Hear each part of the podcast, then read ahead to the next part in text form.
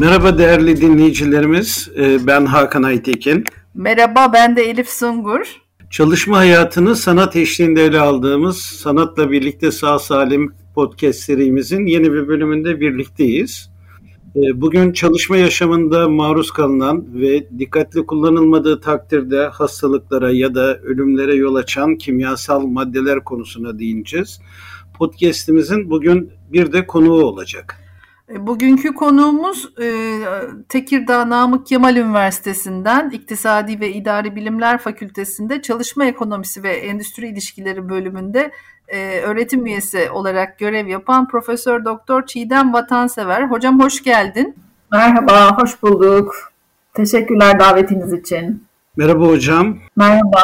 Bizim için oldukça keyifli bir söyleşi olacak bugün. Çünkü daha önceki yaptıklarımızda hep Elif'le ikimiz konuşuyorduk. Bugün e, bir konuk e, almaya karar verdik. Konuktan e, öte bizi aydınlatacak güzel bir arkadaşımız ve onun uzmanlık alanlarından yararlanacağımız güzel bir konuyla karşı karşıyayız. Bugün konumuz radyum üzerine kurulu ve e, radyum maddesinden hareketle oluşabilecek tehlikeleri konuşacağımız ve bunun sanatlı uzantıları olan e, bir e, tiyatro oyununa ve bir e, filme değineceğimiz bir bölüm yapacağız.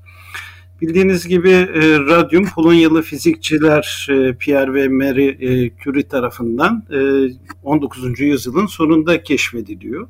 Ve e, Madame Curie bu çalışmalarıyla 1903 e, yılında Nobel Fizik Ödülü'ne layık bulunuyor. Ancak e, radyuma maruz kalmaktan kaynaklandığı düşünülen bir e, kan kanserine yakalanıyor ve e, 1934 yılında da hayata veda ediyor. Radyum ilginç bir madde. E, dikkatli kullanıldığında çok önemli bir radyoaktif madde. Ama dikkatsiz ya da önlem almadan kullanıldığında ise ölümcül bir madde. Evet, bizim bu e, şeyi seçmemizin nedeni bir tiyatro oyunu aslında ve bir de e, sinema filmi yapılmış e, Amerika'daki bir hikaye. E, 2019'da e, Tarih Dergisi'nde ilk defa benim dikkatimi çekmişti. Tıp tarihi konusunda bir e, yazıda e, bahsediliyordu. E, bu e, ışıklar içinde uyuyan radyum kızları diye e, bahsediliyordu bu hikayeden. E, çünkü e, radyum elementinin kullanılarak yapıl, yapılan bir saat üreti, üretimi işinden etkilenen kadın işçilerin hikayesi anlatılıyordu. Çiğdemcim sen e, Radyum Kızları e, tiyatro oyununu e, ne zaman fark ettin? Daha doğrusu hikayeyi ne zaman fark ettin? Oyunu ne zaman fark ettin? E, senden öğrenebilir miyiz? Ne, nasıl bir şey, nasıl bir hikaye olarak görüyorsun? E, tabii ki yani buradan başlamak beni zaten e, daha da rahatlatacak. E, Hakan Hocam uzmanlık dedi. Aslında hiç öyle başlamadı. Tamamen ebeveynlik rolümle ya da bir sanat izleyicisi rolümle başladı ama konunun içinde olmak e, oyununu benim gözümde başka bir yere koydu öyle söyleyeyim. Şimdi Radyum Kızları oyununu ben pandemi öncesinde aslında hem şehir tiyatrolarında hem de hem devlet tiyatrolarında kızımla da birlikte gidebileceğim hangi oyunlar var diye bakarken dikkatimi çekmişti. Açıkçası hani afişten de görselden de çok da bilgi alamadım oyunla ilgili. Ama beni orada çeken Marie Curie oldu. Yani bir kadın olarak e, çok önemli bilimde.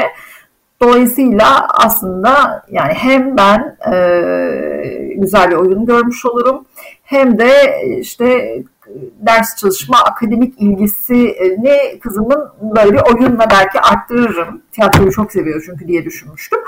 Sonra da e, aslında e, hatırlarsan hep birlikte gitmeye karar verdik ve ben meslek hastalıklarıyla ilgisini aslında senin paylaşımından öğrendim. Oyuna gitmeden bir yılda iki gün önce.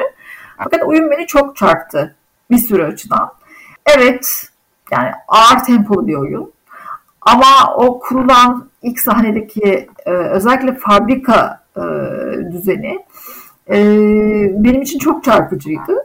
Dolayısıyla e, biraz da böyle merakımı celbetti. Çünkü oyundan sonra şöyle konuştuğumuzu hatırlıyorum. Biz niye bunu daha önce bu kadar meslek hastalığı, çalışan sağlığı, güvenliği ile ilgili çalışırken duymadık diye.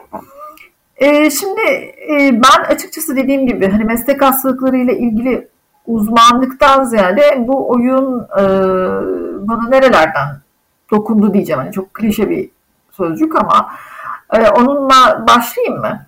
Çok iyi olur. Ben de bu arada oyunun künyesini bir söyleyeyim dinleyiciler için. Ee, tamam. Bir peri masalı Radyum Kızları adıyla İstanbul Devlet Tiyatrosu oynuyor, oynadı. Ee, yazan e, Karden Kasaplar, yöneten de Laçin Ceylan. Sen e, devam et hocam. Sonra Hakan hocam da filmi de çekilmiş. E, bu hikayenin evet, evet. onun da künyesini verirsen. Biraz lütfen oyundan bahset bize. Evet. Ben filmi hala izleyemedim bu arada. Evet dediğim gibi yani önce Marie Curie e, bir oyunda var. İşte peri masalı vesaire dediğim gibi hani e, böyle kızımla birlikte gidebileceğim bir oyun gibi geldi. Sonra söyledim meslek hastalığı ben bu konuyu nasıl duymadım? Bu konu e, saklandı mı? Niye Türkiye'de daha önce dikkat çekmedi diye. İşte sonra da üzerinde birazcık düşünmeye başladım. E, madem oyunun künyesinden bahsettik, benim için şöyle çarpıcı bir şey. Şimdi ben de birazcık e, böyle hafiyelik yaptım. E, Google üzerinden sınırlı. Şimdi e, bir yandan da bunu e, bir bildiriye nasıl dönüştürebilirim diye düşünürken şöyle bir not almışım kendime. E, aslında dünyada ilk defa bir sanat eseri Türkiye'de dönüştürülüyor öyle diyeyim. E, ya da zaman ruhu belki e, Cardinal'ın bunu e, işte bir yerde bir meslekle ilgili bir şeyde bir sinema filmi çekildiğini duydu baktı ama e, benim için hani bu oyunu çok önemli kılan şeylerden bir tanesi de Necati Cumalı e, oyun ödülünü almış. 2017 mi 2018 mi orası biraz şey bir yerde 2017 yazıyor kitabın içinde. Bir yerde internette 2018 var. 2017 ise kesin aslında yani e, kesin demeyeyim ama e, herhalde ikisinin neredeyse senaryosuyla metni aynı zamanda yazıldı filmle oyunun. Necati Cumalı benim çok sevdiğim bir yazar. Yani kitaplarını çok seviyorum. O yüzden de önemli. E, yani bir, an, bir yandan da şöyle bakabiliriz. Hani biz aşağı yukarı e, 20 yıldır bu e, çalışan sağlığı güvenliği alanının içindeyiz. Ama e, bizden önce e, radyum kızlarını öğrenmiş ve şeyle bir hani kamuyla öyle diyeyim yani halkla bir sanat eseri aracılığıyla da paylaşmış. Bu benim ilgimi çeken şeylerden bir tanesi. Künye'den devam edersek daha önce bunu Instagram'da da 8 Mart'ta paylaştığımda söylemiştim. Yine Tuğçe Tuna e, yapmış koreografisini.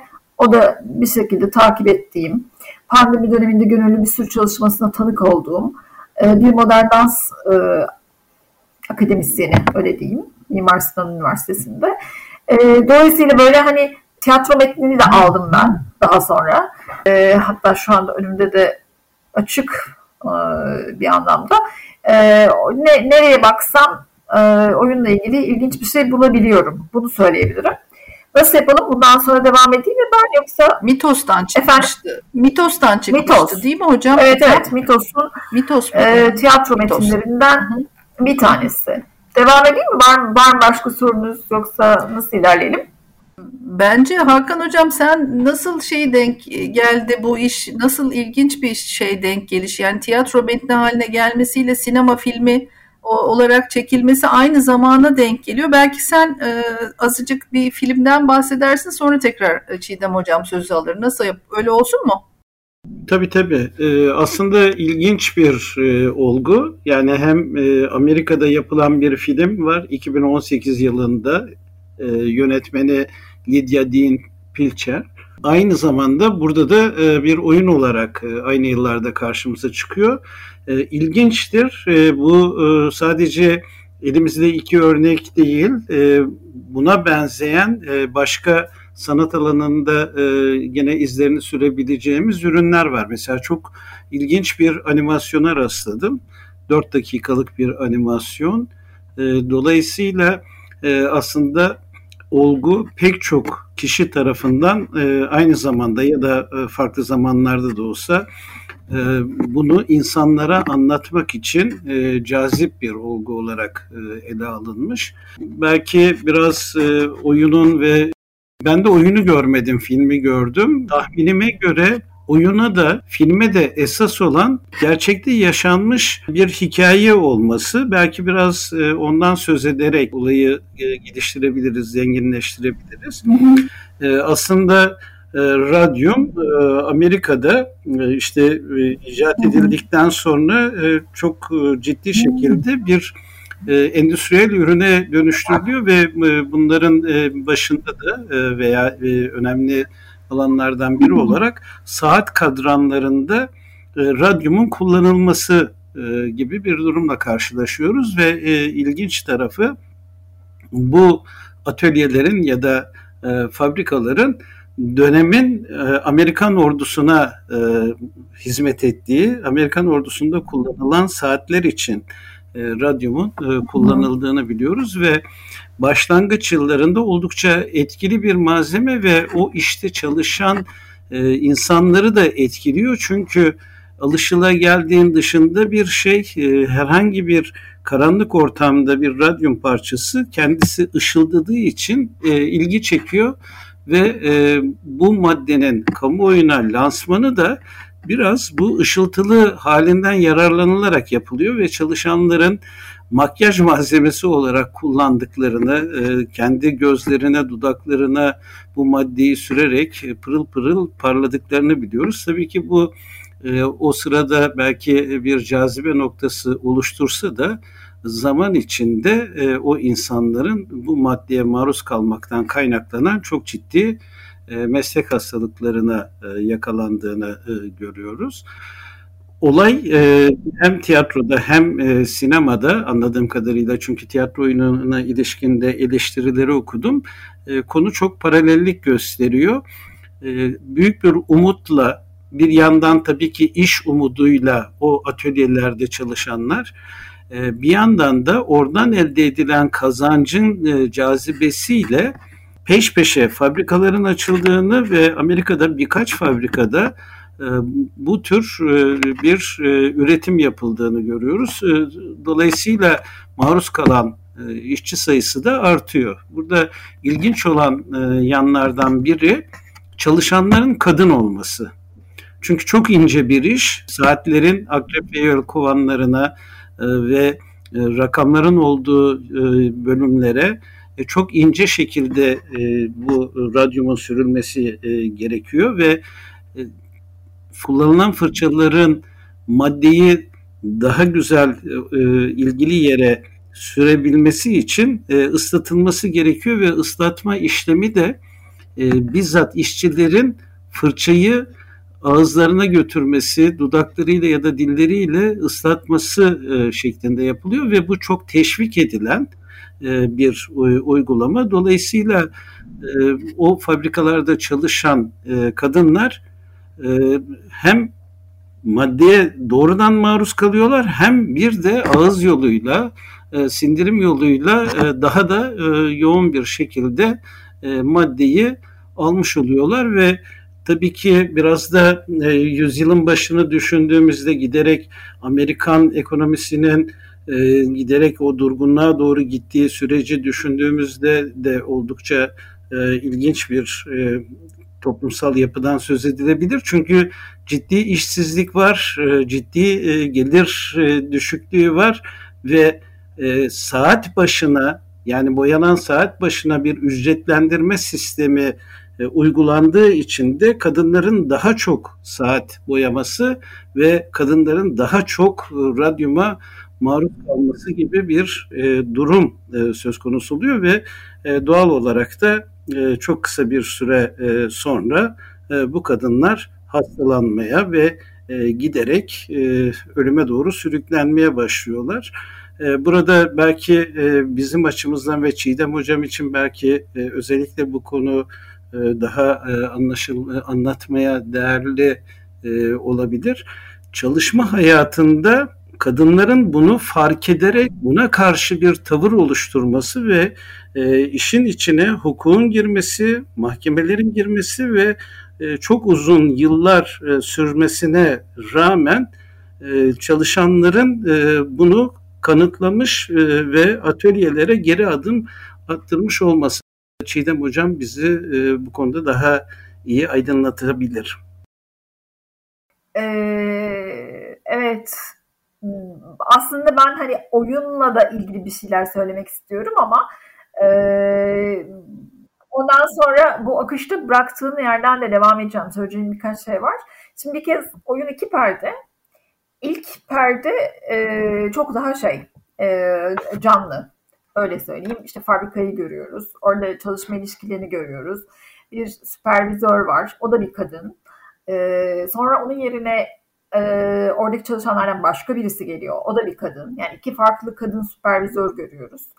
E, yönetici, patron, işte metinde mesela dev diye de geçmiş. Yönetmen tarafından dev diye adlandırılmış. Ee, orada bir kapitalist var. Onu çok nadiren görüyoruz. İşte sadece takım elbisesi var. Sesini duyuyoruz. Ee, tıpkı modern zamanlardaki gibi. Ee, ama o senin dediğin özellikle oradan bir şey söylemek istiyorum. Ee, hani bu gerçek hayatta ne kadar birebir e, filmi de izlemediğim için oyundaki e, hani karakterlerle ilgili bir şey var, notu var yazarın. Diyor ki gerçek bir olaydan esinlenilmiştir. Tarihi gerçekler birebir alınmamıştır. Sadece kızların isimleri gerçeğe uygundur diye. Şimdi burada e, bir kez kol saati diye geçiyor. E, internetteki bulunan böyle hani güvenilir makalelerde. Oysa biz e, tiyatroda büyük saatleri gördük ve onlar çok böyle göz önündeydi. Aynı zamanda da o mesai, çalışma saatlerinin düzeni, işte kart basma. Yani saat orada hem aslında yapılan iş e, ve radyuma maruziyetle ilgiliydi hem de çalışmayı düzenleyen bir şey olarak, e, kavram olarak oradaydı. Şimdi bir yerde günde 200 saat boyamalar istenmiş. Sen kadınlar dedin. Evet çünkü ucuz iş gücü aslında. Hele ki e, büyük e, ekonomik çöküntü e, öncesinde Amerika'daki. E, ucuz iş gücü zaten oyunda da biz gördük her birinin çalışmaya e, çok ihtiyacı var. Şu ya da bu nedenle düşük e, şeyden e, sosyal ekonomik arka plandan işçiler gördüklerimiz. Ve orada e, hani bu oyunda e, yazarın şeyi midir bilmiyorum ama muhtemelen gerçeğe çok yakın. O e, ağzı ıslatmaya e, ki işte kadınlar için mesela ipi düzeltmek için onu çok yaptığımız bir şey mesela hani geçirmeden önce şeye iğneye. E, o ağzı ıslatmaya öpücük diyorlardı hatta. Yani böyle de bir şey yüklenmiş. E, ve 200 saat boyamalar isteniyormuş. 12 tane de şey var saat birimi var. Bugün çok böyle basit bir çarpmayla aslında minimum 2400 kez dediğin gibi doğrudan yani koklayarak falan da değil aslında e, maruziyeti ağızdan e, gün, yani çok çok fazla sayıda aldıklarını görüyoruz. Bunu bir cebimize koyalım. Oyunda başrolde olan Maya vardı. Bir dakika soyadını da bulursam yerden söyleyeceğim. Evet Maya Kane. E, zaten aralarında sadece o daha sonra bu yönetici olarak geçiyor ve aslında performansı en düşük olanı. Yani aklı çalışıyor, sağduyusu var ee, ama o kadar hızlı değil ve o hiç hoşlanmadığı için bu radyum boyasının tadından e, hiç ağzına sürmüyor. Dolayısıyla belki yaptığı işin kalitesi de o yüzden düşük. Ve ama güvenlikleri için onu daha sonra işten çıkartılan öbür kadın süpervizörün, şefin e, ya da amirin yerini alıyorlar. Onu söyleyebilirim. Ve bu Mike Kane gerçek ismi 107 yaşında vefat ediyor. Yine kanserden iki ayrı kanser geçiriyor. Şimdi gelelim şeye e, enteresan bir şey var aslında. Bize oyunda söylenilen dava sürerken sen dava ile bitirdin aslında. E, evet yani kadın oldukları için e, zaten ucuz işçiler kadın oldukları için de davada bir sürüsü başka şeyle suçlanıyor. Mesela ilk meslek hastalığı olayını e, açan kişi e, aslında e, frengiyle suçlanıyor cinsel ilişki yoluyla geçen ve dolayısıyla aslında oradaki kadınların e, işte klasik tırnak içerisinde hafif kadın e, meslek hastalığı değil de aslında kendi e, seçtiği yaşam tarzı yüzünden bunların olduğuna ilişkin de suçlamalar var şey sırasında. E, şimdi oyunda izlediğimiz Harvard Üniversitesi mahkeme dava sürerken bir yerde diyor ki radyumla doğrudan maruziyet sağlığa zararlıdır. Ama sen dedin ki Hakan Hocam e, bir sürü başka şeyler de kullanılıyor. Evet biz bunu oyunda da gördük. İşte var olan bir sürü kaynakta da bu var. Diş macunundan cilt kremlerine kadar, ilaçlara kadar e, bir zamanların favori şeyi e, malzemesi. Şimdi glutatyon mu mesela değil her işe yarayan. Dolayısıyla böyle. Ama bir kaynakta da şunu gördüm. Bu arada büyük olasılıkla Marie Curie de hayatını kanserden büyük olasılıkla neredeyse yüzde yüz radyum üzerinden kaybediyor. Şimdi bu e, radyumla e, oyunda radyum kızları bir alt metin. Oyunun üst adı e, bir peri masalı. Evet. Ve bu da e, Marie Curie'den yine bir alıntı. Diyor ki Marie Curie, gece karanlıkta e, radyum tüpleri böyle soluk peri ışıkları gibi parlıyordu. Ve oradan bir hani bunu da uzun süreli bir şey olduğu için bu meslek, meslek hastalığının gelişmesi, tanının konması, davanın sonuçlanması vesaire böyle bir peri masalı olarak geçiyor. Şunu söyleyecektim. Bu radyumu keşfettikten sonra bu boyaya dönüştüren yani saatlerde kullanılabilecek bir yeşil fosforlu ya da her neyse boyaya dönüştüren Şoloki diye birisi, bir ismini doğru mu söylüyorum diye bir kontrol etmek istiyorum ve çok enteresan bir kaynakta da diyor ki e, aslında kürilerde çalışmış bu, bu bunu boyaya dönüştüren kişi, e, o da bir kimyacı Şoloki ve aslında zararlı olduğunu biliyordu diyor. Ama e, evet Şokoki pardon boyayı o icat ediyor. E, dolayısıyla aslında büyük tehlikesi olduğunu da biliyordu diyor. E, Kürilerin kendisinin de bunu bildiği şeklinde. Yani bile bile aslında Küriler e, bilim adına bir başka deyişle e, ne kadar e, şeyle ateşle oynamışlar öyle diyelim. E, buna rağmen bu endüstriyel ürüne dönüştürülmüş. Diğer yandan çok ilginç bir şey aklıma geldiği ve unutmamak unutmak istemediğim için patentini almamış Küriler radyumun. Bu konuda onlara söylendiği halde demiş ki e, Madame Curie yani bu doğada bulunan bir element. Bunun nasıl bir sahibi olabilir? Yani herkesin erişebilmesi lazım. O yüzden diyor ki hani onların emekleri patentlenip bir ticarete dönüşmedi. Yoksa e, istedikleri en kapsamlı laboratuvarı kurabilecek kadar da para kazanabilirlerdi diyor. E, böyle bir süreç var. İşte oyun sonrasında e, benim de kurcaladıklarım, baktıklarım içinde. Şimdi burada susayım isterseniz. Çok güzel. Detaylar detaylar gerçekten çarpıcı e, radyum radyum kızlarından e, ölenler için de ışıklarda uyusun tabirinin kullanılması dikkat çekici. Gerçekten radyum ışıldayan bir element olduğu için orada da tam cuk oturmuş tabiri caizse. Hakan hocam sen ne diyorsun bu kullanıma? Tam da emin değilim ama biraz belki kaba bir benzetme olabilir. Her bölümün başına e, küçük de bir başlık koyuyoruz. Acaba bu bölümün başlığı ne olur? E, diye e, düşünmüştüm ve hani önce azı karar çoğu zarar gibi bildik bir e, cümle geldi aklıma. Bir süre öyle aklımda dolaştı ama sonra çok daha çarpıcı bir kavram geldi zihnime. Ya okuduklarımdan kaldı zihnimde ya benim zihnim yarattı bilemiyorum. Işıldayan ölüler gibi bir kavram geldi aklıma. Hakikaten e, hani cazibesi o ışıldama üzerine kurulu ama o cazibe çok ciddi şekilde e, ölümcül bir e, nedeni e, ifade ediyor. E, filme baktığımızda da aslında e, Çiğdem Hocam'ın e, oyunda anlattığı öyküye çok benzer bir yapı kurulmuş. E, bu şu anlama geliyor. Demek ki e, her iki medya için de gerçekte olanlardan bayağı ciddi şekilde e, yararlanılmış. Çünkü filmde üç kız kardeş üzerinden ilerleyen bir dramatik yapı var. Bu kızlardan bir tanesi birkaç yıl önce ölmüş. Çünkü o da çok yoğun şekilde e, radyuma maruz kalan birisi. Bizim e, filmde tanık olduğumuz iki e, kardeş arasında da birinin hastalığıyla başlıyor süreç, e, diğerinin de onu ikna ederek mücadeleyi başlatması e, şeklinde. Şunu söyleyeyim, yani kadınların e, maddeye maruz kaldıkları için hastalandıklarını fark etmeleri ve buna itiraz etmeleri tek başına bir sonuç yaratmıyor. Kendi içinde atölyedeki kadınlarla dayanışamamak ve onların büyük ölçüde e, yanaşmaması, reddetmesi kadınları yalnız bırakıyor. Ta ki bir başka kurumun desteğini alana kadar o da tüketiciler birliği ve orada bir kadının öncülüğüyle dava açılabiliyor. Fakat burada da e, davayı takip edecek avukat bulunamıyor.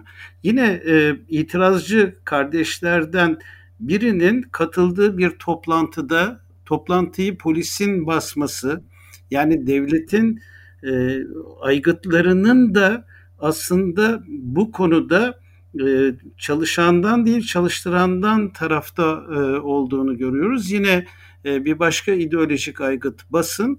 Basında da e, bu davayı küçülten e, ve e, bir meslek davası olmanın ötesinde garip bir dava e, başlığına indirgenen dolayısıyla kamuoyu ulaşmasını engelleyen bir yapının olduğunu da görüyoruz. Yani özetle e, bir e, kimyasala maruz kalma haklılığı o atölyenin dışındaki diğer kurumlar tarafından da aslında çalışan lehine işlemediğini görüyoruz. Ama tabii ki e, bir Amerikan filmi sonuçta sistemin üstünlüğünü kanıtlamak zorunda olduğu için e, filmin sonuna e, doğru mahkemede çalışanların haklı olduğunu ama sistemin yine de e, ayakta kaldığını dolayısıyla hayatın güzel devam ettiğini görüyoruz. Oyunun finalinde nasıl oluyor bilmiyorum ama oyunun finalinde Çiğdem Hocam sen e, toparlarsan. Şunu söyleyebilirim. Tüketiciler Birliği'ni oyundan net hatırlamıyorum. E, metinde de hatırlamıyorum. Dolayısıyla filmdeki yeri oyunda sanıyorum yoktu. E, biz bir de tabii oyunun e, sahnelenmesi nedeniyle avukatlardan hiçbirini göremedik.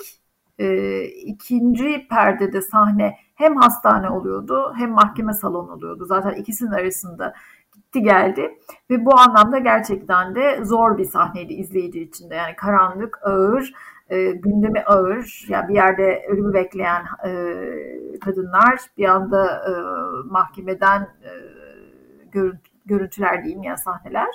E, şeyde şunu çok net hatırlıyorum ama yani en çarpıcı şeylerinden bir tanesi şuydu oyunda. E, her duruşmadan sonra bir pazarlık yapan e, sermayenin sesi vardı. Ve o bir duyuru e, okuyordu. Yani sanki böyle bir e, işte hoparlörden okunan bir açıklama ya da bir gazete e, şeyi gibi. E, ve sürekli aslında radyum kızlarını e, uzlaşmaya çağırıyordu ve her seferinde tazminatı vesaire e, elini birazcık yükselterek öyle söyleyeyim yani mahkeme bitsin bu, bu süreç e, diye. Şimdi e, şöyle bir şeye de rastladım bu internetteki kaynaklarda. Yani aslında burada hani düşük ücrete doğrudan e, böyle bir şeye aslında kısmen zararları da bilinen böyle bir maddeye maruz kalan kadınlar var. Ama işverenin de şöyle bir şey var ki ve biz bunu çok aslında e, iyi biliyoruz. Ama biz de bir yandan onlara istihdam yaratıyoruz, iş veriyoruz, maaş veriyoruz, ücret veriyoruz, geçimlerini sağlıyoruz, ailelerine yardım ediyoruz diye. Dolayısıyla aslında e, Waterbury fabrikasının sahipleri de bundan çok muzdaripler e, ve kendi itibarlarını zarara uğrattığı için de e, kadınların dava sürecinde bir sürü şey yaşanıyor. Ama dediğim gibi biz onu oyunda ve oyun metninde bu açıklıkta görmüyoruz. Onun için biraz daha gerçekten tarihi belgelere bakmak lazım. Ee, benim söyleyeceklerim bunlar aslında. Oyunun ikinci şeyi, perdesi ve e, finale ilişkin ya da hak arama sürecine ilişkin. E, filmden yine aklımda kalan bir şey var. E, bu da e, önemli. Aslında e, şu e, içinden geçtiğimiz e, dönemleri de düşündüğümüzde bu daha da e, belirginleşen bir şey. E, peki akademi nerede? Yani bilimin yuvası bu tür işlerde nerede nasıl e, yer alabiliyor, nasıl pozisyon alıyor? E, filmde e, bu da ilginç bir e, biçimde sahnelenmiş. Çünkü söz konusu atölyede bu tür sorunların ortaya çıktığı görülmeye başlandığında Harvard Üniversitesi'nden bir e, doktor e, akademisyene e, inceleme e, yapmak için çağrıda bulunuyor. O kişi geliyor. Araştırmalarda 22 e, çalışanda kanlarında olmaması gereken miktarda radyum olduğunu saptıyorlar ancak bu e, ortaya çıkartılmıyor. Yani akademi bunu saptası da e, bunun e, kamuya yansıması engelleniyor. Çünkü o fabrikanın aynı zamanda o üniversitenin bazı çalışmalarını finanse ettiğini Dolayısıyla o desteği çekme tehdidi nedeniyle e, akademinin de bu bilimsel gerçeği örtbas ettiğini görüyoruz. Nitekim filmin finalinde de e, bu e, doktorun e, mahkemeye tanık olarak gelmesi bütün bu e, sürecin e, ortaya çıkmasına yol açıyor. Yani e, aslında e, indirgemeci sadece çalışan ve çalıştıran e, alanına sıkıştırdığımızda hiçbir çalışma e, koşulunu ya da ondan kaynaklanan hiçbir hastalığı veya e, ölümü, e, yaralanmayı, sakatlanmayı doğru dürüst e, tahlil etme şansımız kalmıyor. Bu kurumsal e, bütünlüğü birbiriyle entegre olma halini gerçekleşme, gerçekleştiremediğimiz sürece sağlıklı kalıcı bir çalışma hayatı kurmakta pek mümkün görünmüyor. Oyunda da Harvard Üniversitesi'nin kabul etmesi radyonun sağlığa zararlarını dönüm noktasıydı. Ee, bütün davanın seyrinde rol oynadı. Sadece senin vurguna katılıyorum. Bir de Amerika Birleşik Devletleri'nde şöyle bir şey var üniversitelerde biliyorsunuz. Kürsüler var. Yani bazı şirketlerin kürsüleri var. O akademisyenler o kürsülere e, atanıyor. Yani özellikle akademisyeni destekliyor zaten. E, ve bunu e, zannediyorum hani müthiş bir bilimsel titizlikle, e, meslek etiğiyle, e, uygulamakta oldukça zorlaşıyordur. Yani orada tabii kimseyi şey yapmak istemiyorum ama bu çok hani iki ucu keskin bir bıçak e, diye düşünüyorum. Tam bitirdim aslında söyleyeceğim her şey bitti demiştim ama e, Hakan Hocam sen bu Harvard Üniversitesi'ndeki araştırmayı söyleyince aklıma geldi ki aslında e, bu bizim üzerine çalıştığımız konular içerisinde aynı zamanda bir meslek hastalığı tanısını koymakla ilgili. E, bir yandan da e, hani Türkiye'de e, silikozis vardı, kot hastalığı. E, Amerika'daki de e, sonuçta saat hastalığı ya da radyum hastalığı baktığımızda e, oyunda çok vurgulanan bir şey işlerinin görevlendirdiği yani orada anlamıyoruz iş yeri kimi ve birlikte çalışılan bir yer mi ama e, şirketin yönlendirdiği doktor bir türlü böyle bir ilişki kurmuyor. Hani e, genel şeyimiz var ya ilk sorulması gereken soru hatırlayamadım şu anda İtalyan e, kişinin adını. E, iş hekimliğinin babası olan kişinin adını. Bernardino Ramazzini İtalyan hekim. Evet. Hani sen ne iş yapıyorsun? Hastalığın nedir e, sorusuyla başlar ya normalde. Bunu bilmesine rağmen e, oradaki e, hekim hep başka tanılar koyuyor. Kimisine romatizma diyor, kimisine başka bir şey söylüyor ve ciddi bir zaman kaybı da kız, e, oradaki kadınlar hastalanmaya başladıktan sonra bu, bu nedenle oluşuyor e, biz e, kod kullanma e, işinin de silikozise yol açtığını aslında Zeki Kılıç aslında e, sen ne iş yapıyorsun, yaptığın iş nedir sorusunu sormasıyla e, anlıyoruz. Böyle başlıyor süreç baktığımızda. Bunu da bir tekrar vurgulamak istedim. E, gerçekten de hem e, sinema filmi olarak e, hem tiyatro oyunu olarak etkileyici, e, yüzyılın başında e, ortaya çıkan bir buluşun, bir elementin keşfinin acı sonuçları, e, kadın işçilerin başına gelmesi e, ve dramatik öğelerde oldukça kuvvetli bu e, hikayede. Gerçeğe dayanan bir hikaye ve onu sinema filmine ve bir e, tiyatro oyununa e, döndürenlerin ellerine sağlık diyelim gerçekten de iyi ki e, izledik. İyi ki bunun üzerinde bir tartışma fırsatı oluştu. E, çok teşekkürler Çiğdem Hocam. E, iyi ki katıldın, iyi ki geldin. E, sağ olasın.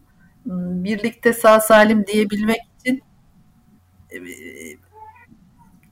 birlikte sağ salim e, diyebilmek için e, işçi sağlığı ve güvenliğinin e, konuştuğumuz sanat eserleri üzerinden e, konuştuğumuz programımızın bugün de sonuna geliyoruz. Hakan Hocam kapanışı sen yap istersen.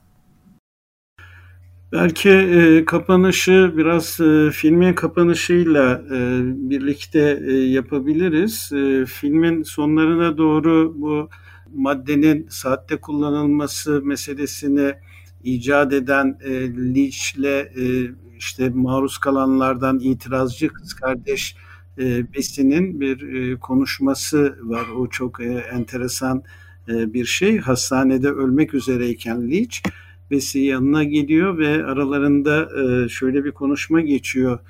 e, kemiklerimiz sonsuza kadar parlayacak biliyorsun diyor. E, bütün olan biteni bildiği halde reddeden Lynch evet biliyorum diyor.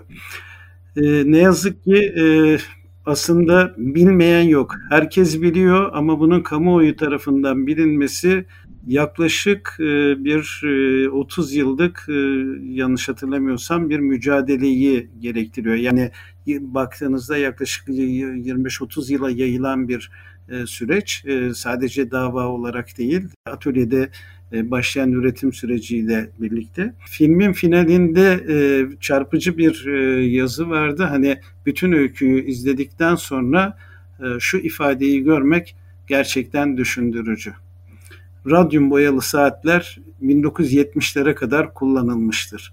Oysa hani dava çok daha e, önce e, sonuçlanmış olmasına rağmen üretim devam ediyor. Çünkü asıl olan sanayinin yürümesi, e, karın yürümesi, sermayenin ölmemesi.